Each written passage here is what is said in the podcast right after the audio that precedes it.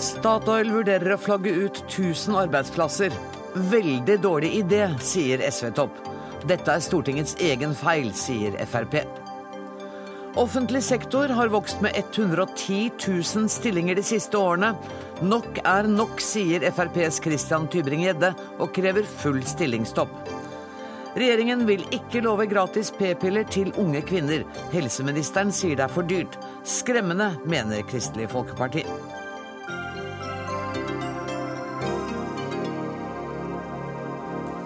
Dette er noen av overskriftene denne siste juli-fredagen. I sendinga skal vi også høre at den tilsynelatende evig rockende Mick Jagger fyller 70 år. Vi skal møte en av hans fans. Men først. Dårlige driftsresultater over lengre tid gjør at Statoil nå vurderer å flagge ut 1000 arbeidsplasser fra Norge, ifølge VG. Konsernsjef Helge Lund bekrefter i Dagens Næringsliv i dag at selskapet vurderer å flagge ut arbeidsplasser for å sikre konkurranseevnen. Olje- og energiminister Ola Borten Moe, hva er din reaksjon på at selskapet staten er hovedeier av, vil flagge ut eh, bortimot 1000 norske arbeidsplasser?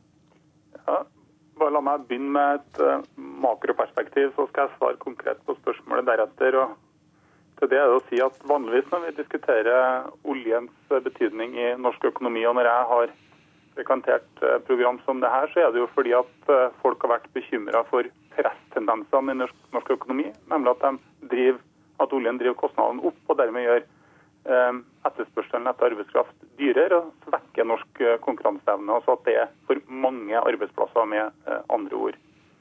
Så eh, tror jeg det er uhyre viktig i et høykostland som Norge er, at hvis vi skal klare å bevare full sysselsetting over tid, så trenger vi kontinuerlig omstilling, og vi trenger å forbedre vår egen konkurransekraft. Og Det er spesielt viktig i tider da det går godt. Da er det lett at man eh, sovner av, og lett at man tenker at eh, de gode tidene fortsetter for alltid. Det gjør de selvsagt ikke.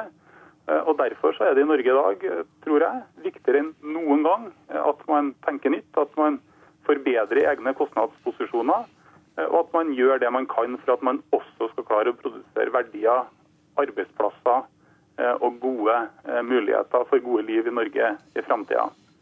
Så til Statoil. Som eier i Statoil så har vi en klar forventning fra samfunnets side og fra departementets side knytta til at selskapet skal eies og drives fra Norge. Men vi har også et veldig klart en veldig klar forventning om at selskapet skal drives effektivt og produsere verdier for, de norske, for, det norske samfunnet. Og bare For å ta et uh, helt kort eksempel på det. Hvis Statoil bruker 1 million kroner mer uh, enn det de ellers skulle kunne ha gjort, så er det for det første staten som betaler det direkte gjennom skattesystemet, 78% Men i tillegg så eier vi to tredjedeler av selskapet, drøyt det. Og Det betyr at staten, altså det norske fellesskapet, betaler langt over 90 av kostnadene knytta til at Statoil eventuelt driver dårligere enn de kunne ha gjort. Og Det er jo penger som vi alternativt kunne ha brukt på velferd, på skoler, på sykehjem. Og Det har jo gjort at eh, staten alltid har vært opptatt av at Statoil skal drives effektivt. Eh, vi har sågar avsatt eh, både, et, både hele styret og og administrerende direktører fordi at man har eh, hatt kostnadsoverskridelser. Så vår forventning er klokkeklar. Det er et selskap som skal eies og drives fra Norge. Det ligger der. Men utover det så skal det drives effektivt, og det skal omstilles i takt med tida eh, og TV. Og da tolker jeg deg dit hen at det er ikke noen grunn til bekymring over at uh, dette selskapet flagger ut uh, 1000 norske arbeidsplasser, fordi det til sjuende og sist er bunnlinja som teller? Bunnlinja uh, teller, men det teller også at man er eie, eid og drevet fra Norge. og Det er derfor vi har to tredjedeler offentlig eierskap, bl.a. Men vår klare forventning er at selskapet gjør hva det kan for å drive effektivt. Og da spiller det ikke noen rolle om, om arbeidsplassene flyttes ut? Nå har man akkurat lagt, ned, nei, man akkurat lagt frem eh, resultatrapportene for første eh, halvår. Det viser et betydelig dårligere resultat eh, enn i fjor. Og Det understreker, tror jeg, hvor viktig det er at eh, selskapet går gjennom sine kostnads, sånn alle sine kostnadsposter, med tanke på at man ikke bare skal levere overskudd til staten, skattepenger til det norske samfunnet, men også lage et selskap som er levedyktig i Norge og internasjonalt inn i, inn i framtida. Statsråd, vi skal diskutere dette i Dagsnytt 18 i dag med Fremskrittspartiet, med SV og Arbeiderpartiet. Du har avslått vårt eh, tilbud om å delta i den diskusjonen. Hvorfor det? Eh, jeg har eh, sagt at jeg skulle være med på oppspillet til den debatten. Og la meg òg si at de planene som Statoil nå har lagt fram, bare for å legge det på plass, er helt i tråd med det vi forventer som eier. Altså at man går gjennom sine kostnads kostnadssidene sine og ser på hva man kan gjøre for å, mest mulig, for å drive mest mulig effektivt. Det er den eneste måten vi kan skape bærekraftige arbeidsplasser i Norge på framover. Og så er ikke jeg foreløpig bekymra over de forslagene som har kommet. Eh, så går det selvsagt ei, eh, ei grense før eller siden knytta til hvilke funksjoner som skal være i Norge, før vi kan si, og fremdeles at vi kan si at dette er eid og drevet fra Norge. men men eh, hvis den grensa blir kryssa, så skal vi eventuelt eh, si ifra. Takk skal du ha. Uh, Ola Borten Moe. Vi må også nevne at Helge Lund og Statoil selvfølgelig ble invitert til å delta i denne sendingen, men ingen i toppledelsen hadde anledning til det i dag. Terje Aasland, du er leder av næringskomiteen på Stortinget for Arbeiderpartiet. Foreløpig er olje- og energiministeren ikke bekymra. Er du? Det er grunn til å være oppmerksom på situasjonen. Eh, vi er veldig opptatt av at Statoil skal ha ikke bare eies og, og, drives fra Norge, men det skal ha hovedkontorfunksjoner og det skal være strategiske funksjoner knytta til Statoils eh, beslutninger som skal ligge i Norge. Og Statoil også eh, skal være en motor også i forhold til sysselsetting. men så jeg syns det er absolutt grunn til å følge situasjonen nøye. Nå sier nok eh, statsråden også her på slutten at eh, hvilke funksjoner eventuelt som Hvor går grensene i denne diskusjonen? Eh, og Det er det som er eh, det viktige å diskutere. Det er at eh, ikke Statoil gjennom en sånn prosess nå tapper seg for sentral kompetanse som er med på å styrke eller svekke selskapets posisjon i Norge. Ja, for Det må jo være et dilemma for Arbeiderpartiet at et stat, hvor norske stat er hovedeier, selskap flagger ut. Dere har vært imot utflagging av arbeidsplasser innenfor alle andre sektorer. Vi er opptatt av at eh, Statoil skal ha et eh, sterkt, godt og ekte rotfeste i Norge. og At det er der eh, hovedkontorfunksjonene skal være, og det er der hovedfokuset til selskapet skal være sånn sysselsettingsmessig også. Og Det er vi opptatt av, og det er også det som Stortinget har ettertrykkelig sagt i eierskapsmeldinga. At det er det er Statoil sine funksjoner. Det er to formål med Statoil. Det ene er, som statsråden er inne på, det skal drives eh, forretningsmessig. Mm. Men det skal også være en annen side, som er eh, forhold til hovedkontor og strategiske funksjoner. Og da må en ikke vanne ut de eh, i, eh, i drifta av selskapet for å oppnå uh, forretningsmessige fordeler. Ketil Solvik-Olsen, eh, du er nestleder i Fremskrittspartiet. Du sa til en kollega av meg eh, før sending i dag at regjeringen og Stortinget egentlig har seg sjøl å takke for at Statoil er kommet i den situasjonen at de må flagge ut. Hvorfor det? For en måned siden så behandla vi revidert statsbudsjett. Der økte regjeringen skattene på oljevirksomheten og hadde en klar målsetning om at det skulle medføre redusert aktivitet i Norge. Og Da bør en ikke en måned senere bli overraska over at du faktisk eh, får den type resultat. Men mener du at regjeringen la det til grunn? At dette er det vi ønsker? Vi ønsker utflagging? Det er ingen direkte sammenheng mellom oljeskatten og den outsourcing som skjer. Det er en prosess som har pågått lenge. Men effektene er de samme. Når en for en måned siden fra regjeringshold og fra Høyre, KrF og Venstre hører at oljeskatten er viktig fordi vi må dempe aktiviteten, så bør en ikke bli forundra eller skuffa når en en måned senere får et oljeselskap som faktisk følger oppfordringen og reduserer sysselsettingen i Norge. Fremskrittspartiet syns dette er uheldig. Ja, det er viktig at øvrig næringsliv stimuleres til økte investeringer og videre satsing i Norge. Der har det gått mye feil. Investeringene i fastlandsindustrien har blitt halvert. Men en løser ikke det med å begynne å flagge ut oljenæringen og ødelegge den oljekompetansen vi har i landet. For dette frykter vi gradvis vil skje. Dette er en høyteknologisk klynge. Vi er veldig eh, heldige som har ei klynge der du både er ingeniører, økonomer, finansfolk og mange deler, altså geologer, alltid sammen i Norge. For det gjør, gir oss en konkurransefordel. Hvis vi nå ser at dette begynner å forvitre gradvis, så er vi bekymra for framtiden til den beste oljenæring som, som finnes i dette landet. Så her har regjeringen egentlig sagt at det er den retningen de vil gå i ved å øke skattene. Så er de nå litt bekymra når du plutselig ser effektene, for du vet at folk blir berørt. Jeg syns eh, kanskje vi skal også få en debatt om rammebetingelsene for oljenæringen, sånn at vi får en ikke en altfor stor vekst, for de har vokst altfor mye allerede, men at vi i hvert fall klarer å opprettholde det tempoet og nivået vi har. For Det er viktig for de som jobber der, og viktig for utvikling av klynga. Akkurat det med rammevilkårene må vi ta en annen gang. Jeg er litt mm. opptatt av dette med utflagging i dag. Alf Holmelid, du er stortingsrepresentant for Sosialistisk Venstreparti. Burde staten som eier grepet inn og stanse eventuell utflagging? Nei, jeg syns ikke at vi skal stanse med mindre det går så langt som eh, så vidt både Terje Aasland og ministeren var inne på, nemlig at vi bryter med de forutsetningene som ligger i eierskapsmeldinga.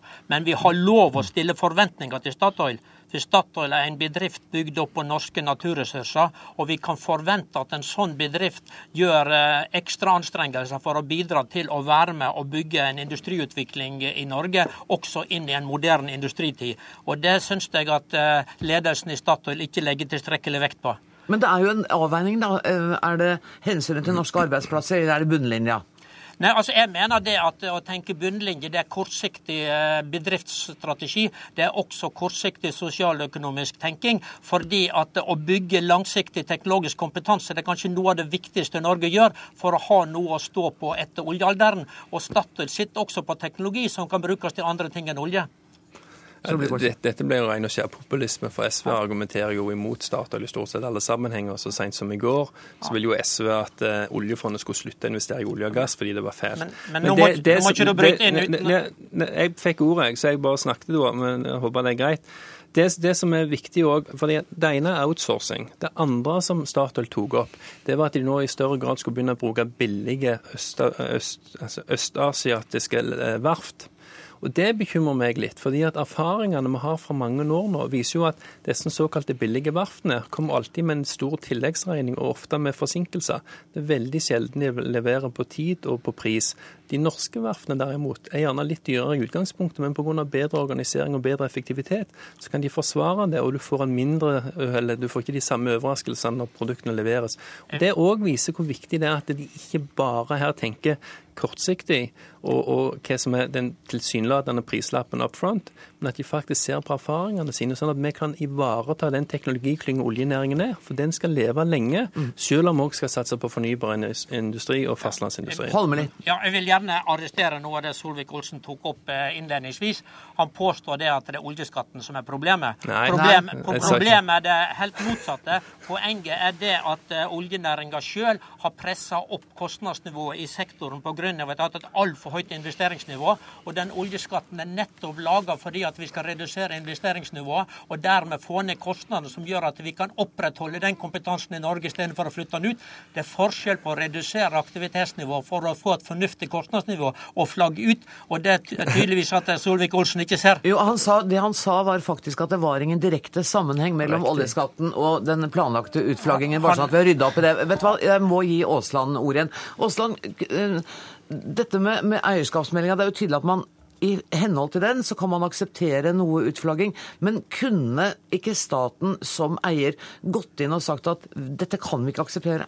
Jeg tror vi skal forholde oss til eierskapsutøvelsen på en ryddig og ordentlig måte. Aktiv er, eierskapsutøvelse? Ja, men det er eh, sånne forhold som eh, strategiske elementer for selskapet, sånn som dette, er det naturlig at statsråden har samtale med selskapets ledelse om gjennom eierdialogen som foregår, og likeledes gjennom generalforsamlinga. Men jeg syns Holmli tar opp et vesentlig poeng, og det tror jeg vi er enige om også. Det er at Statoil er en viktig motor i en brei kompetanse som er med på å løfte leverandørindustri, kompetanseindustri i Norge. Det er vi avhengig av. Hvis Statoil over tid velger en annen strategi som gjør at den kompetansen kanskje eh, forvitrer, og at det blir vanskeligere å bygge opp også sterke klynger i tilknytning til, eh, til kompetansemiljøene som olje- og gassektoren er en, eh, en primus motor for, ja, så er vi eh, ille ute å kjøre. Vi i hvert fall forvitrer viktige næringsområder og viktige kompetanseområder. Og da... Derfor er vi opptatt av at Statoil skal ivareta en helhet, at det strategiske funksjoner også skal være plassert i Norge. Eh, Ketil Solvik-Olsen, kort til det. Du er vel også enig at vi må ivareta disse høyteknologiske klyngene? Jo, det har jo jeg argumentert Nettopp. for nå. Så dere er det, enige på det, det er kjempeviktig. Men da må jo òg de rød-grønne forstå at når de øker skattesatsene, når de øker kostnadsnivået på å drive oljevirksomhet i Norge, så har det faktisk konsekvenser i forhold til hvilke strategier eh, disse selskapene har. Så en kan ikke den ene måneden sitte og si at nå skal vi øke kostnadsnivået gjennom økte skatter, og neste måned være forundret at det faktisk er sammenheng. Det, det, poenget, vet du hva, vi er helt nødt til Nå ser du igjen at det var sammenheng mellom de to tingene? Nei, jeg sier det er sammenheng eller effektene av det dere ønsker. Effekten av å øke skattenivået var jo nettopp at dere ønsker å redusere aktiviteten i Norge. Nei, og det er òg det som er effekt, nei, nei. Jo, det er òg det som er effekten av outsourcing. Gå og les stortingsreferatene for det dine folk i finanskomiteen sa. For resten av denne diskusjonen må dere dessverre ta utenfor mine ører. Tusen takk skal dere ha for at dere var med, Terje Aasland, Ketil Solvik-Olsen og Alf Holmelid.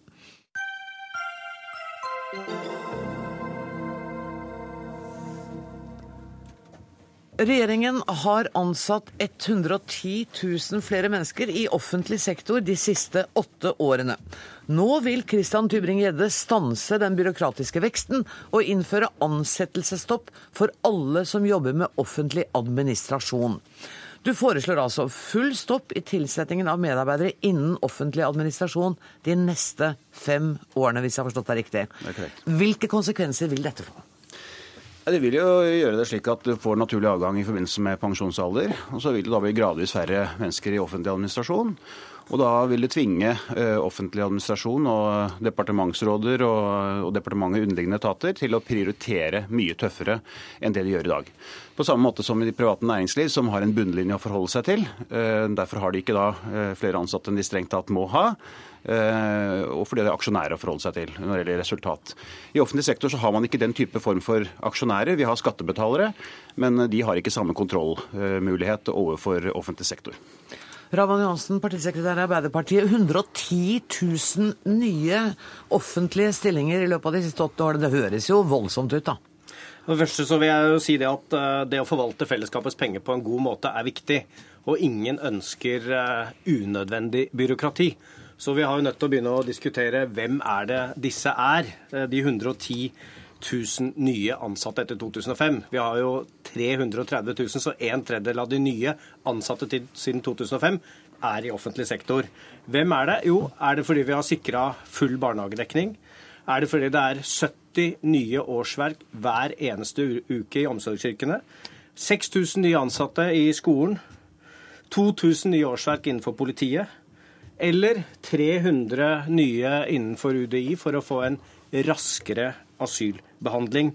Og I tillegg så, så vi at når vi skulle ha en gigantisk satsing på jernbane, så så vi at det ikke var noen planer for jernbaneutbyggingen. Og da var det naturlig å ansette flere som skulle drive med jernbane. Så har jeg også lyst til å si det at siden 2005 så har det vært en befolkningsvekst i Norge på gigantiske 600 000 personer andelen offentlig ansatte har vært konstant fra før 2005 på 30% Det er det fortsatt.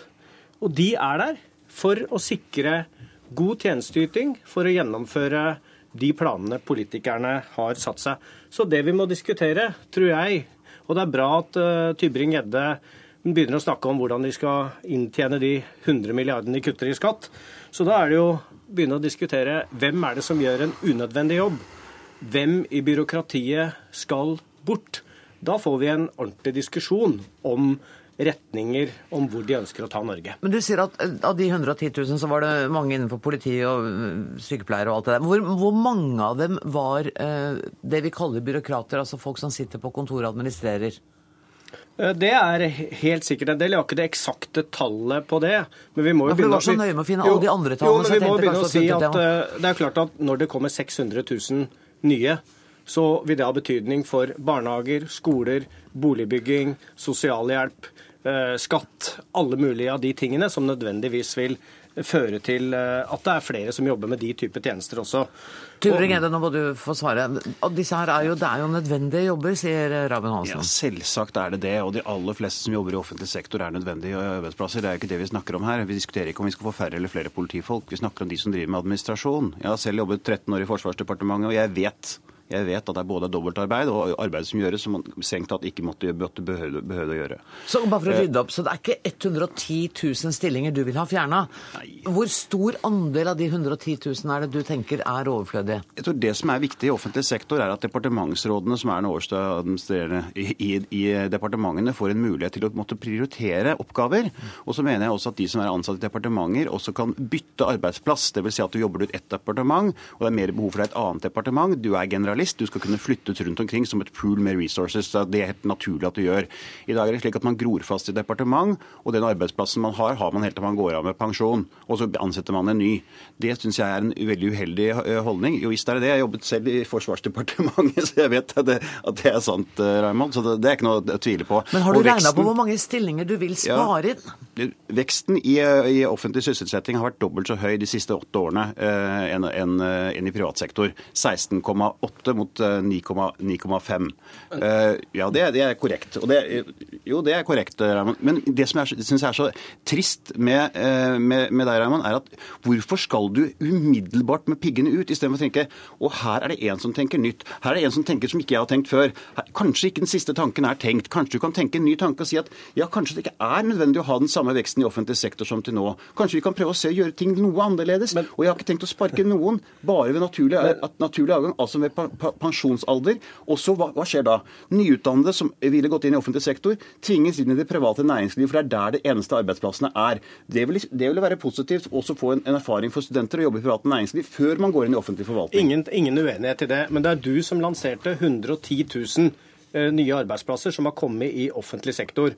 Og da brukte jeg tid til å forklare hvor de har begynt å jobbe hen. Det er innenfor barnehager, det er, det er innenfor barnehager, det er innenfor politi, ja, ja, ja. det er innenfor helt avgjørende viktige ting. Og I tillegg så er det jo da veldig stor turnover også i, innenfor offentlig sektor. Innenfor det ulike sentraladministrasjon er det mange som jobber i ulike departementer. Men jeg vet at Fremskrittspartiet ønsker jo å eh, nedlegge eh, Barne- og likestillingsdepartementet. Det er jo ikke sånn at hvis du jobber i barnevernet, så kan du automatisk begynne å gå inn for å planlegge veier fordi at det er helt annen type kompetanse. I, Norge, I, dag så har du høyteknologi, du har mye type kompetanse som det er behov for i sentraladministrasjon. Men det vi er enige om, vi skal ikke ha noe unødvendig byråkrati. og Jeg er helt sikker på at ekspedisjonssjefene, avdelingsdirektørene, jobber hele tiden for å fjerne unødvendig byråkrati. Og så er det sånn med litt, nå, nå, nå, nå sier jeg et med litt smil rundt munnen. Så sier jeg det at litt smil rundt munnen. Så vet jeg at dere i Fremskrittspartiet er jo veldig flinke til å holde eh, de offentlig ansatte i sentraladministrasjonen i arbeid. Dere har stilt 850 spørsmål på Stortingets spørretime, bl.a. om eh, om hvem som er det dummeste bistandsprosjektet. Om eh, hvorfor har ikke regjeringen gitt amnesti for eldre biler med kufangere. Og det er jo klart at alle de spørsmålene her vil også kreve mye arbeid. Og du må jo også innrømme det at politikerne etterspør stadig mer kontroll stadig mer spørsmål om hvordan det går. Så vi også som politikere genererer veldig mye arbeid i sentraladministrasjonen. Det vi er enige om, er at den skal være effektiv og god. Derfor er vi opptatt av derfor, derfor, derfor, har vi vært opptatt av å Det er tydelig at vi har fulgt å snakke, i hvert fall. Men, men, eh, men, det er sikkert spørsmål som Fremskrittspartiet stiller meg unødvendig. Jeg er ikke her for å forsvare dumme spørsmål verken fra Fremskrittspartiet eller dumme spørsmål fra Raymond Johansen. Men, men uh, poenget er at vi er en demokratisk parti. Vi skal kontrollere makta. Det er hele poenget vårt. Derfor stiller vi spørsmål i Stortinget. Og det er det full, full, rett til å gjøre. Ja, nettopp. Jeg tror ikke det blir så mange arbeidsplasser om du må stille et par ekstra spørsmål til Finansdepartementet eller andre departementer for den saks skyld. Men, men, men, men utfordringen er at det har blitt veldig mange i, i statlig administrasjon. Og Raymond Johansen er ikke bekymret for at Helsedirektoratet eksploderer i, i, antall som skal altså, kontrollere de som jobber i helsesektoren, eller de som jobber i ulike direktorater. Han er altså ikke bekymret for det. Han syns bare Arbeiderpartiet gjør en strålende jobb. Uansett om jeg hadde sagt at to pluss to er fire, så hadde han sagt nei, det er fem. Nei, og jeg gidder ikke høre på det. Jeg holder meg for ørene og sier fem. Det. Jeg, jeg, det er veldig viktig for meg å si at det er mange ting som ikke fungerer. Det har også gått veldig langt i forhold til kontroll at veksten i revisjonsbransjen, at veksten i Oslo kommune i byråkratiet der, som også Høyre, Fremskrittspartiet, Fremskrittspartiet gjør ikke nå, har gjort det. Så det er jo på en måte en generering fordi folk ønsker mye mer kontroll, og kravene går der. Men man skal hele, man skal hele tida være kritiske. Men det jeg er helt sikker på, er at vi har nødt til å ha en sterk offentlig sektor, og vi er nødt til å ha mange ansatte. Fordi innenfor helse, omsorg, barnehage Men hvorfor skal vi ha så mange flere enn Sverige og mange flere enn Danmark innenfor offentlig administrasjon?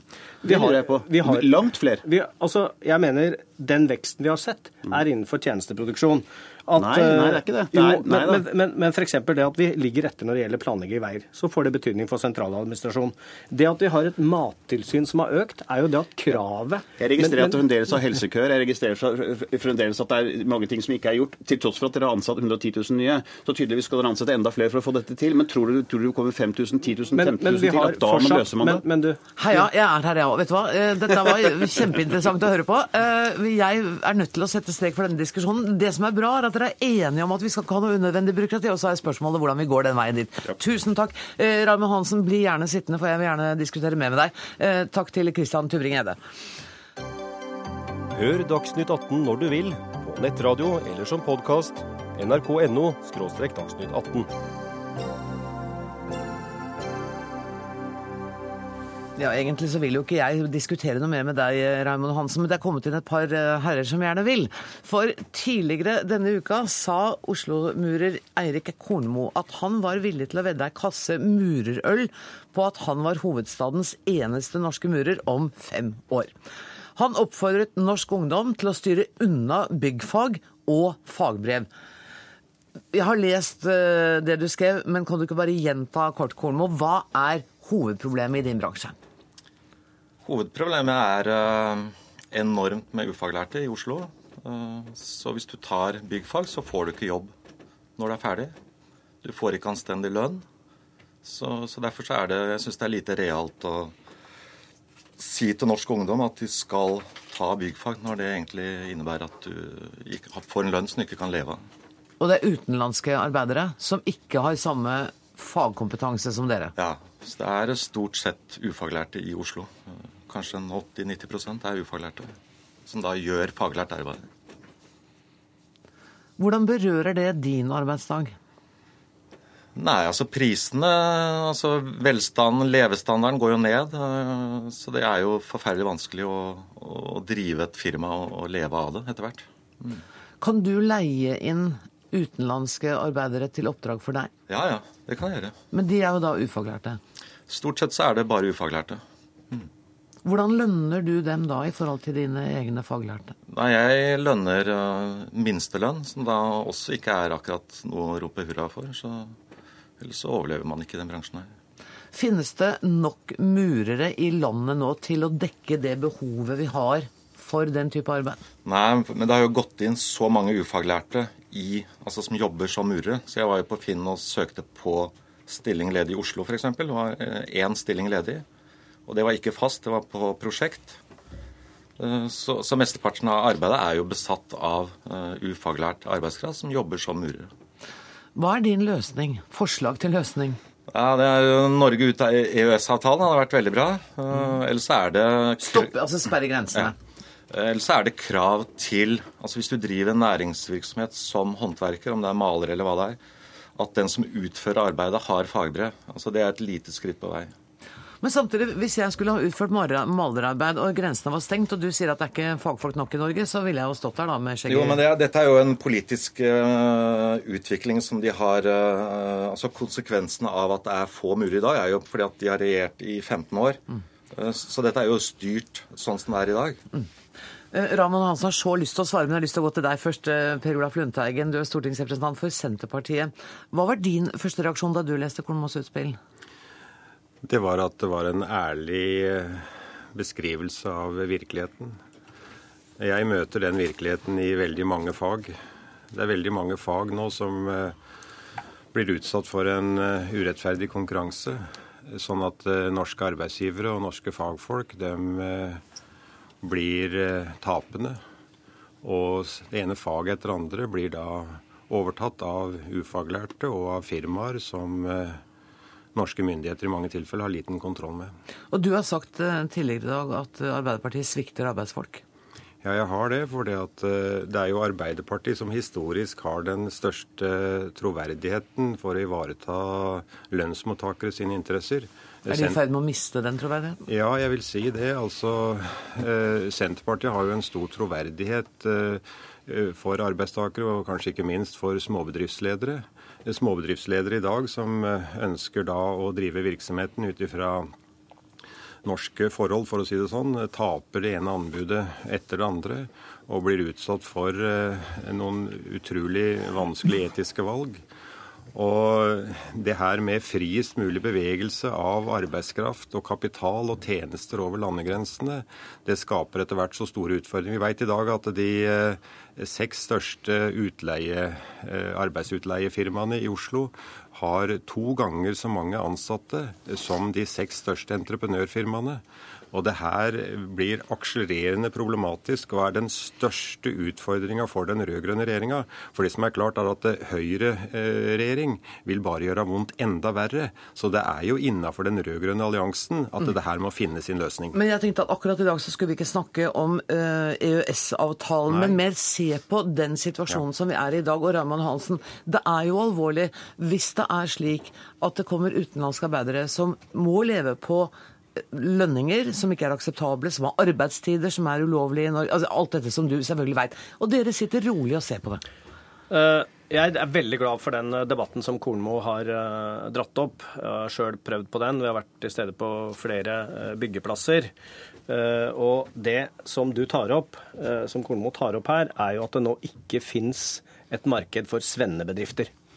Det er jo det realiteten er. At det holder i dag at mesteren har et svennebrev, og at ingen av de ansatte, som rørleggere, murere, betongarbeidere, så finnes det et ja, De bør ikke ha et fagbrev? Nei, de bør ikke ha et fagbrev så lenge mesteren har et fagbrev. Du kan fylle opp på en måte vanen din med ansatte, og så bygge en uh, hytte eller uh, jobbe, på en jobbe ute på et byggeprosjekt. Uh, forskjellen er f.eks. For elektrikere. Elektrikere har autorisasjon som gjør at der finnes det krav. Der er det krav til fagbrev av elektrikere som faktisk utfører jobben. Og Derfor og så har vi nesten ikke utenlandske elektrikere i dette helt landet. Helt riktig. Det er DSB som gjør det. Og så er det jo sånn at det har vært en Siden 1992 så har vi hatt en dobling av kjøpekraften i Norge. Det betyr at etterspørselen etter både privat vedlikehold, sette opp nye hytter, det offentlige, skoler, sykehus, barnehager, har ført til en enorm vekst innenfor dette. Og så mener jeg at på veien der så har vi mista noe vesentlig. Det at vi ikke har greid å fått et helhetlig regelverk.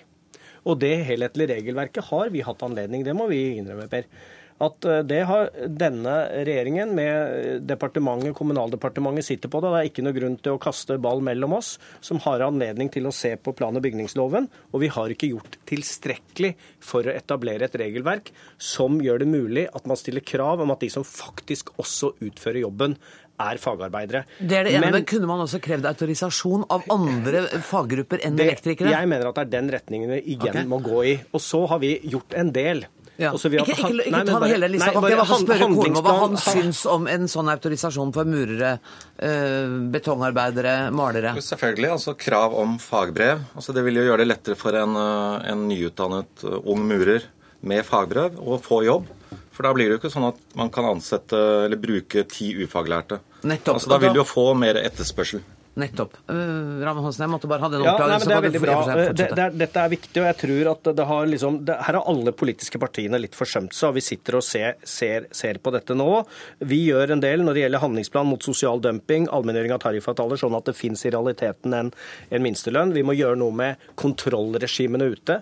Arbeidstilsynet, at folk faktisk er organisert, har muligheten til å kontrollere ute på de ulike byggeplassene. Der eh, må det skje enda mer enn det som gjør i dag. Lundteigen, da må jeg spørre deg, Er du enig med Raymond Hansen at dere, dere, i de politiske partiene har forsømt dere i forhold til det regelverket?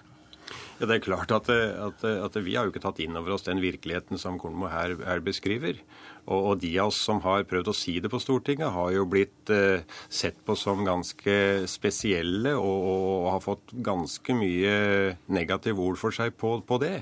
Altså, men det som er kjernen i saken, det er jo at når du har et system hvor du oppmuntrer til friest mulig bevegelse av arbeidskraft over grensene. En skal gjøre det stadig friere. Og forholdene i Norge er der. Mens forholdene i de andre landa, den går sånn. Forskjellene øker. Så trenger du ikke å være rakettforsker for å forstå at du får altså en tilstrømming av fagfolk fra andre land. I stadig større strømmer. Og det, østeuropeere Østeuropeere kommer til Norge, og ukrainere kommer til Øst-Europa. Dette her er noe som skjer mellom alle land. Det er eh, race to the bottom. Og du, vi kommer ikke utenom å ha, å ha en større regulering av bevegelse av tjenester arbeidskraft og kapital over landegrensene. For til sjuende og sist er det nasjonalstaten som har ansvaret for at alle arbeidsføre skal ha en, en jobb. Og vi har jo så mange ungdommer som er interessert i å utdanne seg i, fag, i, fag. Men er du enig med Kornmoen, for nå sitter vi i det EØS-klisteret igjen, og jeg vil ut av det. Men er du enig med Kornmo i at vi ikke bør oppfordre unge mennesker til å ta fagrett fagretta utdanning? Ja, sånn som det utvikler seg nå, så er jeg enig i det. Hvordan blir fremtida for Norge da? da sitter vi Fremtida blir den at fagfolk fagfolk som er murere, som er tømrere, som er malere, de kommer ifra andre land. Men det kan jo hende at den økonomiske situasjonen utvikler seg i de landene. Kanskje de reiser hjem igjen? Det kan hende, det. Men det vi er mest redd for, det er jo at hvis at den boomen som vi nå har i Norge, trekker seg tilbake, hva skjer da? Hvilke konflikter kommer da? Altså, Jeg har sjøl en sønn som er utdanna med fagbrev som tømrer. Og vi så jo her hva som kom til å skje, så han tok seg jo videreutdanning for å komme i en ledende stilling. Det er jo det folk gjør, men det er jo ikke alle som er interessert i det. Det er jo utrolig mange som er interessert i å kjøre lastebil. Og hvordan går det med dem? Hvordan går det med drosjesjåfører? Hvordan går det med bussjåfører? Hvordan går det med det ene faget etter det andre? Det her er helt logisk et resultat av at du skal ha friest mulig bevegelse. Men jeg, jeg tror eh, Per Olaf, nå at vi ikke skal være feige.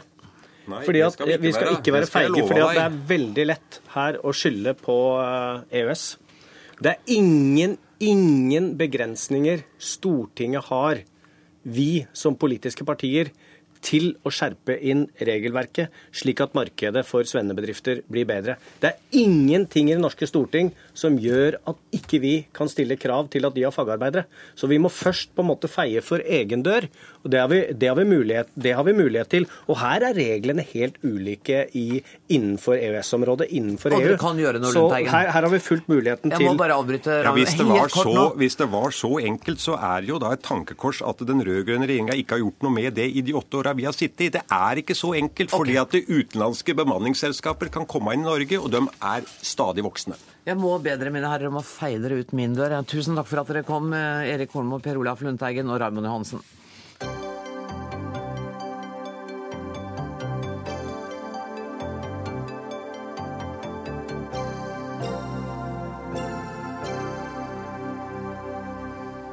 Regjeringen legger opp til at det blir flere aborter blant unge. Det hevder Kristelig Folkeparti etter at helseministeren har sagt foreløpig nei til gratis p-piller til kvinner under 25 år.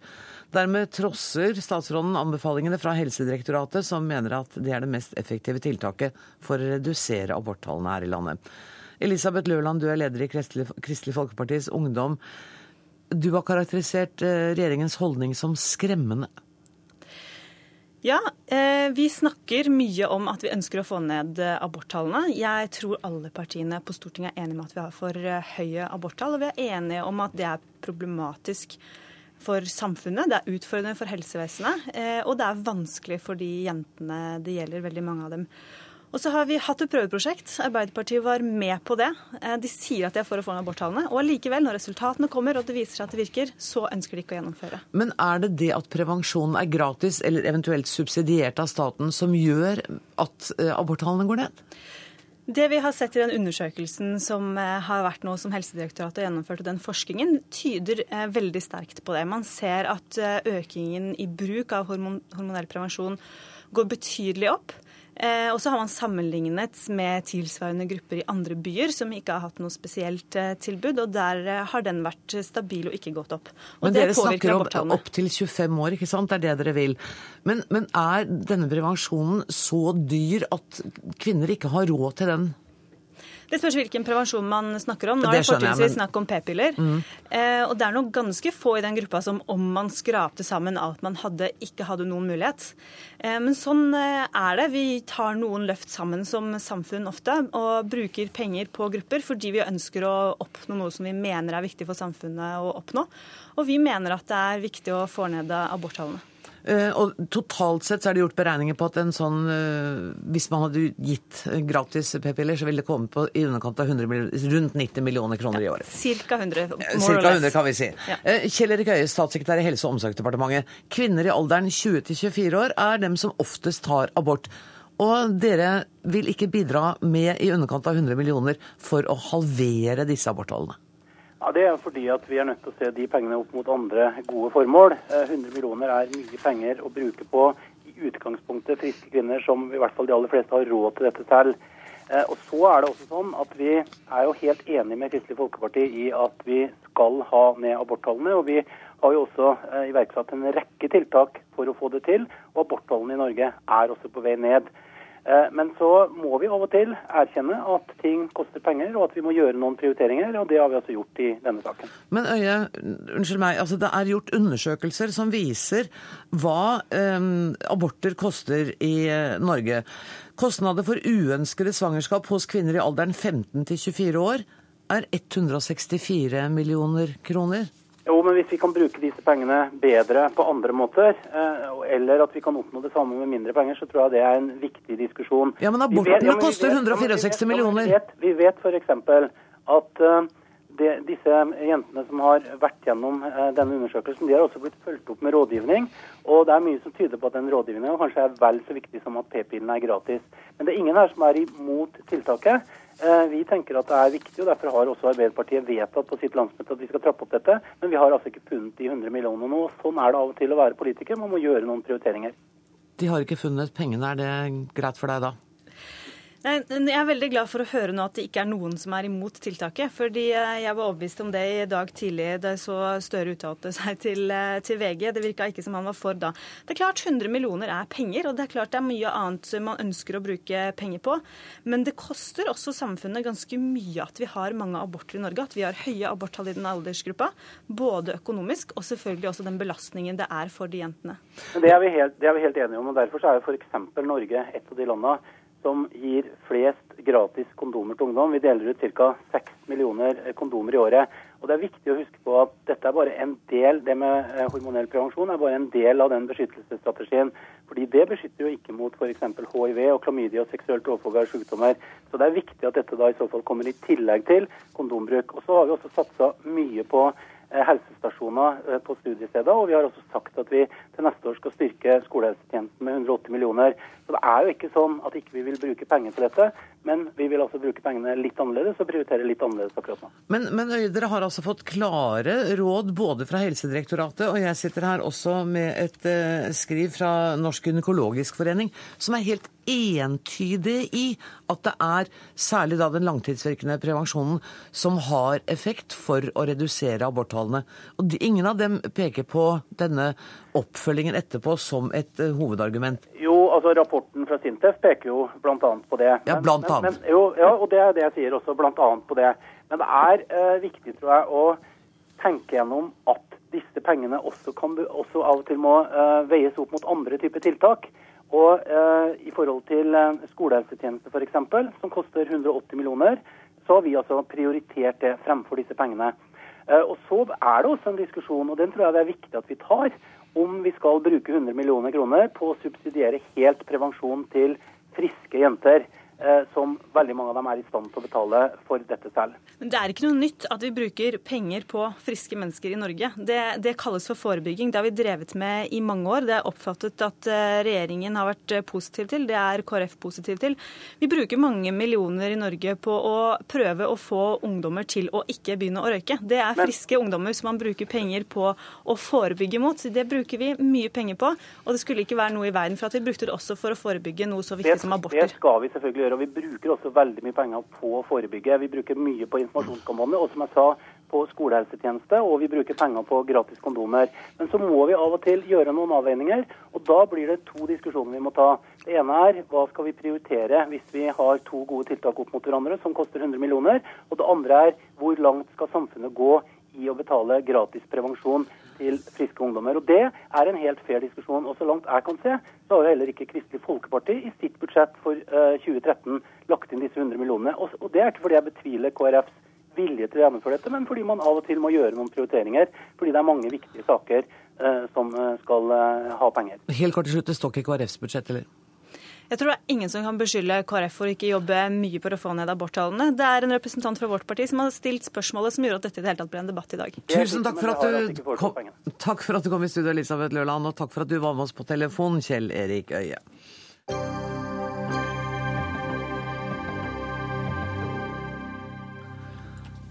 I dag ble Egypts tidligere president Mohammed Morsi formelt varetektsfengslet etter å ha vært holdt i husarrest siden 3. juli. Store folkemengder har igjen tatt til gatene, mange av dem etter oppfordring fra hæren, som har oppfordret dem til demonstrasjoner for å vise avsky overfor den tidligere presidenten. Morsi-tilhengere på sin side protesterer mot kuppet og mot varetektsfengslingen av den lovlig valgte presidenten. NRKs Midtøsten-korrespondent eh, Sigurd Falkenberg Mikkelsen, du er på Tahrir-plassen i Kairo. Eh, hvordan er stemningen nå? Her er det stappfullt. Det er eh, masse eh, virkelig, virkelig store, store menneskemengder her. Eh, militærhelikoptrene flyr over uh, jevnlig her, og folk eh, jubler. det er også mange nasjonalistiske slagord som ropes, og mange bilder av hærsjefen, general Abdel Fattah al-Sisi, som jo har tatt til orde for at folk skulle ut i gatene for å gi hæren et mandat til å slå ned på terrorisme og politisk vold. Eh, nå flyr det et eh, Aparte-helikopter i meget lav høyde over Tahrir-plassen her. Eh, til stor, stor, fornøyelse for folkemengden. Så Det virker jo som om dette mandatet, hvis det er det han har, som han har ønsket seg altså, Hvis de vil, så kan vi godt tolke dette i den retningen. For det er som sagt mye mennesker ute i gatene i kveld. Tusen takk skal du ha, Sigurd Falkenberg Mikkelsen. Torgeir Larsen, statssekretær i Utenriksdepartementet. Du er nettopp kommet hjem fra eh, Egypt. Eh, jeg så da Falkenberg Mikkelsen snakket at du nikket og liksom så for deg de bildene han beskrev nå. Ja, det gjorde jeg. Jeg dro ut i natt til i morgentimene, og da mobiliserte Hæren helt tydelig. Det var stridsvogner og, eh, og sikkerhetsnærvær overalt. Og det er, som, som Sigurd Falkenberg Mikkelsen her sier, Altså det er en dag vi vil se mobilisering framover. Vi vil se enorme menneskemengder, tror jeg, i, i, gatene i dag. Eh, det kan gå gærent. Ja, du har kalt det et skjebne, eller fare for et skjebnedøgn? Ja, jeg mener at eh, dagen, mitt inntrykk etter å ha snakket med, eh, med mange, veldig mange, i løpet av tre, tre døgn, er at dagen i dag, og morgendagen vil jeg si, vil kunne vise hvilken retning dette, dette går. Det er Eh, tegn på altså Det er følelser som renner over. Eh, det er også det er klart, eh, når en forsvarssjef, general, oppfordrer til å marsjere i gatene, så vekker ikke det gode assosiasjoner. Jeg har møtt da den midlertidige regjeringen, insistert på at nå må det tas ansvar, ro. Eh, men også vise at man går den veien man har sagt man skal gå, nemlig å åpne for et inkluderende, altså muligheter for å delta. Hvis det går den andre veien, eh, og de opplagte sikkerhetsutfordringene som landet står overfor, mm. brukes som påskudd til å gjøre noe langt mer enn å gå etter kriminelle, så eh, kan dette gå virkelig galt av sted. Hvordan tolker du denne formelle varetektsfengslingen av den tidligere president Morsi? Han har altså sittet i husarrest, og det var en grense for hvor lenge man kunne holde ham i husarrest uten å ha på en måte et rettslig grunnlag for det. Altså, Prinsipielt så har vi sagt i, eller jeg har sagt i alle samtalene jeg har hatt, at eh, politikere eh, når det gjelder politikk, de dømmes i valglokaler, ikke i, i rettssalen. Eh, hvis det, er, eh, hvis det, er, bevis for eh, kriminell aktivitet, handlinger, så må det føres på en troverdig måte. Når det er en president som er valgt, så er selvfølgelig kravet til at det er en troverdig, enda større. Nå har ikke vi sett disse tiltalepunktene noe annet enn gjennom media, men det er klart at hele verden følger jo med hva slags prosess dette skal være. Mona Abdel Fadil, du er forsker i Fafo. Kan du si noe mer om hva disse tiltalepunktene mot Morsi går ut på? Jeg er også kjent av denne saken gjennom mediene, så jeg er heller ikke helt sikker på alle punktene. Men noen av de tingene som jeg har lest, går ut på at Morsi er tiltalt for å ha samarbeidet med Hamas i Palestina i forhold til både interne eh, stats Eh, anliggende i Egypt, eh, og å frigjøre eh, politiske fanger fra fengslene i Egypt, annet. Men det var jo 2011. Hvorfor har ikke de tiltalepunktene kommet før, da? Nei, det er, det er, noe med denne timingen som er veldig skummel, og ganske ekkel, egentlig. Og det er litt det som er det som skaper en del uro også i Egypt nå, er jo nettopp den timingen. Hvorfor kom dette akkurat i dag, når det er varslet store demonstrasjoner på begge sider, og ikke minst når Sisi selv har bedt egyptere om å komme og støtte han. Altså hærsjefen? Hærsjefen, ja. Og, og, og sagt at der eh, ved å komme i gatene for, sammen med han, så, så viser man eh, folkets vilje. Som jo er en, eh, en veldig, et veldig klart signal om at han eh, Eller det i hvert fall kan tolkes slik at det er han som eier folkets vilje ved at han ber de om å gå ut i gatene nå. Det, det Torgeir Larsen sier, at det dette landet trenger nå, er samtaler og uh, forhandlinger og en slags konsensus. Denne varetektsfengslingen ser for meg til å være et skritt i motsatt retning? Det ser definitivt ut som et skritt i motsatt retning, men det syns jeg også talen til generalen Sisi også uh, kan tolkes som. Okay. Måten han uh, beskriver at nå skal Egypter stå samlet mot vold og terrorisme, så, så, tenker han ikke på militærets eget vold mot eget folk. Det er helt tydelig. Det, det, han sikter til, er brorskapet. og og han tegner et bilde av brorskapet som terrorister og som voldelige. Og det, er, det finnes selvfølgelig støttespillere av brorskapet som har uh, manet opp til vold, men, men, men, det er ikke slik at hele brorskapet kan betegnes som en terroristorganisasjon, slik som Sisi nå prøver å, å tegne. Og det, det er uh, absolutt ikke noe så veldig stort håp om dialog. eller Det, er, det innbyr iallfall ikke til at brorskapet kan strekke ut en hånd og si ja takk, nå vil vi forhandle. Mm. De har tegnet et bilde som er veldig vanskelig for brorskapet. og, og å, være med og forhandle med. Frontene skjerpes da, Tor Ja, det er et, eh, det er et eh, splitta land.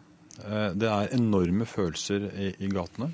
Jeg vil si at faren for at ting altså, tar av, i den forstand at, at man kan velge å, å, ri gata snarere enn å, enn å enn å bidra til å kontrollere mm. gata. Mm. Det er det som jeg tror nå er faren. Du får en egen dynamikk, og det er en voldsom adrenalinbølger. Vi merker det bare som, som vestlig. Det er klart at... Uh, ja, Hvordan merket du det? Ja, det, er egoit, det, er en egyptisk nasjonalisme uh, hvor på en måte alt fra uh, utenlandsk hold uh, som, som, er å kommentere, er en slags innblanding. det vi har vært veldig tydelige på, det er jo at dette er en egyptisk prosess. Men, men vi betrakter dette ut fra altså helt prinsipielle altså betraktninger. Hva, hva, et, hva, et, legitimt demokrati kan være. Hva et legitimt styre kan være. Var det skarpe toner i møtene med regjeringen? Eh, det var nokså tydelige ord. Eh, jeg var eh, veldig tydelig. Og de ba deg holde fingrene fra fattet, eller? På en måte, De, de betoner jo at dette er, dette er, en egyptisk prosess. Altså Det jeg var tydelig på, det er, det er vårt budskap hele tiden. At alvoret av det som skjedde 30.6, det bestemmes på en måte hver eneste dag i øyeblikket. De nærmeste dagene og tidene. Det er det som vil definere hva dette var for noe. Du er urolig over dette? Det er fordi eh, når du har så store eh, følelsesmengder eh, og eh, fare for utnyttelse av, eh, av, av dette eh, i et viktig land, i et land som betyr noe mer enn seg selv, i en region som allerede står i flommer, så er dette, dette alvor. Mona Abdel Fadel, er Egypt på randen av en borgerkrig nå? Jeg håper at borgerkrig er et altfor sterkt ord. Det håper jeg virkelig. Eh, men det er ingen tvil om at eh, Eller det som bekymrer meg, eh, er at mange av disse mm, tingene som nå skjer, er designet nettopp for å sette følelser i ild. For å gjøre folk sinte og for å få dem til å miste litt kontroll. Og det ser ut til at det er på en måte at det vil være en inngang for militæret da komme inn og si at nå må vi ha kontroll igjen over, fordi dere klarer på en måte ikke å, å samarbeide dere imellom. Så det er det neste, som er skremmende. Mm, og de neste døgnene vil eh, være avgjørende, kanskje skjebnesvangre. Tusen takk for at uh, dere kom, Torgeir Larsen og Mona Abdel Fadil.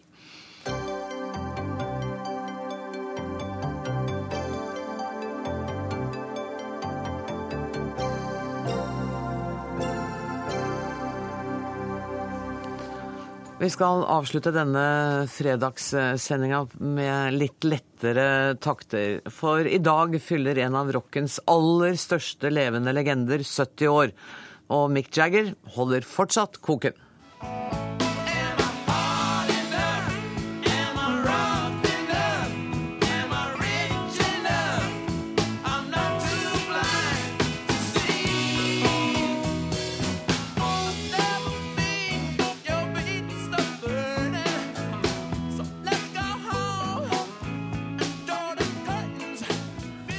Hjertelig velkommen, eh, Siv Grenaker.